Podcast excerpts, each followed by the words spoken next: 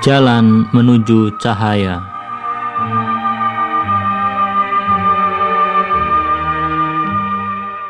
Bismillahirrahmanirrahim. Assalamualaikum warahmatullahi wabarakatuh. Saudara pendengar kita berjumpa lagi dalam acara Jalan Menuju Cahaya Sebuah acara tafsir Al-Quran yang menjelaskan Al-Quran secara ringkas. Dan kini kita simak bersama ayat ke-26 dari surat Al-Baqarah إن الله لا يستحيي أن يضرب مثلا ما بعوضة فما فوقها. فأما الذين آمنوا فيعلمون أنه الحق من ربهم.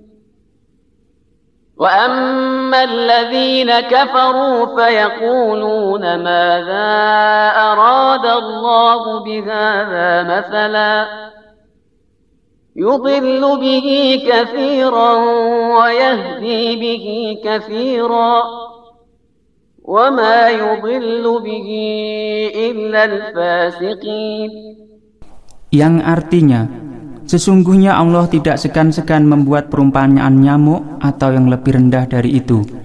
Adapun orang-orang yang beriman, maka mereka yakin bahwa perumpamaan itu benar dari Tuhan mereka. Tetapi yang kafir mengatakan, apakah maksud Allah menjadikan ini untuk perumpamaan? Dengan perumpamaan itu banyak orang yang disesatkan Allah dan dengan perumpamaan itu pula banyak orang yang diberi petunjuk. Dan tidak ada yang disesatkan Allah kecuali orang-orang fasik. Orang-orang yang menentang Islam tidak mampu membuat kitab tandingan Al-Quran. Mereka tidak memiliki kekuatan logika seperti logika Al-Quran. Seluruh perumpamaan Al-Quran bagi mereka dipandang sangat rendah dan berkata, Ya Allah, perumpamaan yang kau bikin seperti perbuatan manusia, bukan perbuatan Tuhan. Sebagai Tuhan sungguh sangat jelek membuat perumpamaan seperti laba-laba atau lalat. Perumpamaan seperti ini sungguh tidak sesuai dengan kedudukan sebagai Tuhan. Para penentang Islam yang pada dasarnya tidak mengetahui keberadaan Tuhan, ucapan tersebut tidak memiliki tujuan selain berupaya meragukan dan menggoncang umat Islam akan kebenaran Al-Quran dan Nabi serta iman mereka. Pada dasarnya, tidak semua perumpamaan Al-Quran demikian. Sebab pada ayat sebelumnya Allah telah mengibaratkan orang-orang munafik dengan seorang musafir dalam sebuah jalan yang penuh dengan berbagai bahaya, baik bumi maupun langit. Sementara untuk melanjutkan perjalanannya tidak memiliki penerang sama sekali. Kini kita simak ayat ke-27. الذين ينقضون عهد الله من بعد ميثاقه ويقطعون ما امر الله به ان يوصل ويفسدون في الارض اولئك هم الخاسرون yang artinya yaitu orang-orang yang melanggar janji Allah setelah ia ditetapkan dan memutus apa yang diperintahkan oleh Allah untuk menyambungnya dan membuat kerusakan di muka bumi, mereka itulah orang-orang yang merugi. Setelah ayat sebelumnya berbicara tentang kesesatan orang-orang fasik, maka ayat ini menjelaskan tiga ciri-ciri mereka itu. Pertama, mereka adalah orang yang suka menginjak-injak perjanjian dengan Allah dan hanya mengikuti keinginan-keinginan hawa nafsu mereka. Yang dimaksud dengan perjanjian Allah di dalam ayat ini ialah suatu bentuk perjanjian takwini atau penciptaan, bukan tashri'i atau pensyariatan yaitu Allah Subhanahu wa taala telah menciptakan fitrah di dalam diri setiap manusia di mana melalui hidayah fitrah tersebut manusia dapat mengenali kebaikan dan keburukan, kebenaran dan kebatilan. Dengan fitrah itu pula, setiap orang memiliki kesiapan untuk menerima seruan para rasul yang diutus oleh Allah kepada mereka. Kedua, ketika Allah Subhanahu wa taala memerintahkan agar mereka menjalin hubungan yang baik termasuk hubungan keagamaan dengan para pemimpin ilahi, juga hubungan sosial dengan orang-orang mukmin, serta hubungan kekeluargaan dengan kaum kerabat dan sanak keluarga, orang-orang fasik justru memutus dan merusak hubungan-hubungan tersebut. Ketiga, mereka menyebarkan kerusakan dan kekejian di muka bumi ini dengan kefasikan dan perbuatan-perbuatan dosa mereka. Mungkin mereka mengira bahwa perbuatan dosa itu adalah perkara pribadi dan dampak-dampaknya berkaitan dengan dirinya sendiri. Padahal segala bentuk pengaruh sosial dari perbuatan dosa tidak lebih kecil daripada pengaruh-pengaruh pribadi, karena perbuatan-perbuatan dosa tersebut secara perlahan dan bertahap akan menyeret masyarakat kepada kerusakan. Jelas sekali bahwa seseorang yang tidak mempedulikan perjanjian-perjanjian ilahi dan hubungan-hubungan sosial, lalu berbuat sekehendak hatinya, maka orang ini pasti akan menimpakan kerugian bagi dirinya sendiri. Dengan melepaskan seluruh modal materi dan maknawinya, maka tak ada hal lain yang ia dapatkan kecuali kesengsaraan, kerugian, dan kebinasaan. Dari dua ayat tadi terdapat enam poin pelajaran yang dapat dipetik. Pertama, pelanggaran perjanjian tidak sejalan dengan ketaatan beragama. Seorang mukmin tidak akan pernah melanggar perjanjiannya walaupun dengan orang-orang kafir. Lalu bagaimana ia menginjak-injak perjanjian dengan Allah? Kedua, menentang suruhan fitrah, membuka jalan bagi perbuatan dosa dan pada akhirnya menciptakan kerusakan di muka bumi. Ketiga, kerugian yang sesungguhnya ialah musnahnya modal usia dan pikiran akibat pelanggaran-pelanggaran terhadap panggilan fitrah dan syariat. Empat, sesuai dengan ayat 124 surat Al-Baqarah disebutkan, maka kepemimpinan ilahi merupakan janji Allah, dan menurut ayat ini pula pelanggaran terhadap janji Allah tersebut merupakan ciri-ciri munafik. Kelima, Islam menganjurkan manusia menjalin hubungan dengan sesama, bukan pemutusan hubungan. Oleh sebab itu, silaturahmi dan saling kunjung antar keluarga dan kerabat, terutama kedua orang tua, selalu mendapat perhatian dan penekanan di dalam Islam. Keenam, Islam menentang sikap atau perbuatan mengucilkan diri dan menjauh dari masyarakat. Islam selalu menganjurkan kepada para pengikutnya untuk aktif hadir di tengah-tengah masyarakat, melaksanakan salat berjamaah termasuk salat Jumat, menjenguk orang sakit, menyantuni orang fakir dan miskin, serta memperhatikan keadaan para tetangga. Di dalam berbagai riwayat Islam banyak terdapat anjuran-anjuran untuk silaturahmi.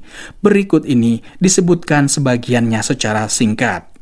Kunjungilah sanak keluarga kalian, karena hal itu akan menjauhkan kefakiran dari kalian, memperluas rezeki, dan memberkahi usia kalian.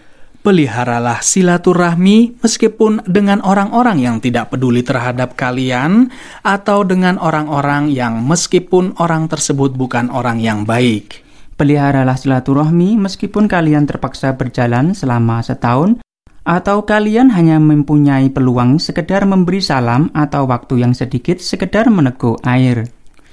Silaturahmi meringankan kematian dan perhitungan di hari kiamat dan menyebabkan seseorang memperoleh kedudukan istimewa di surga.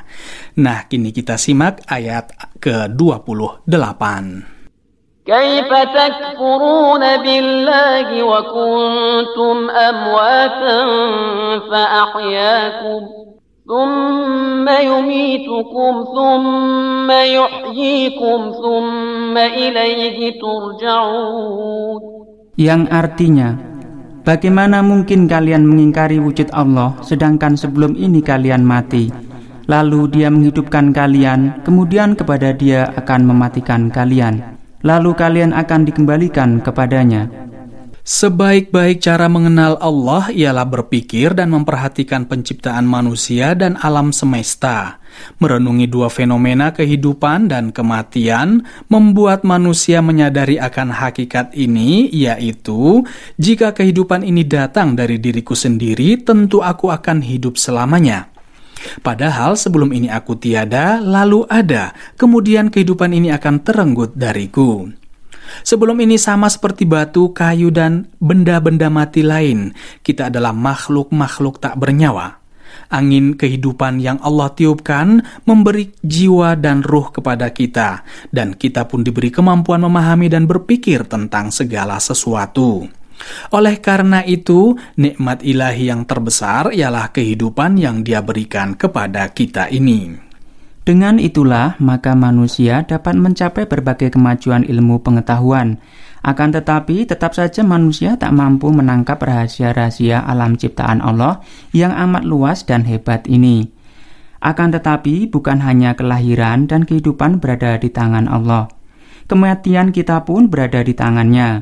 Kita tidak datang ke dunia ini dengan kehendak kita sendiri, sehingga kita dapat meninggalkan dunia ini dengan kehendak kita sendiri pula. Dialah yang menghidupkan dan dialah yang mematikan.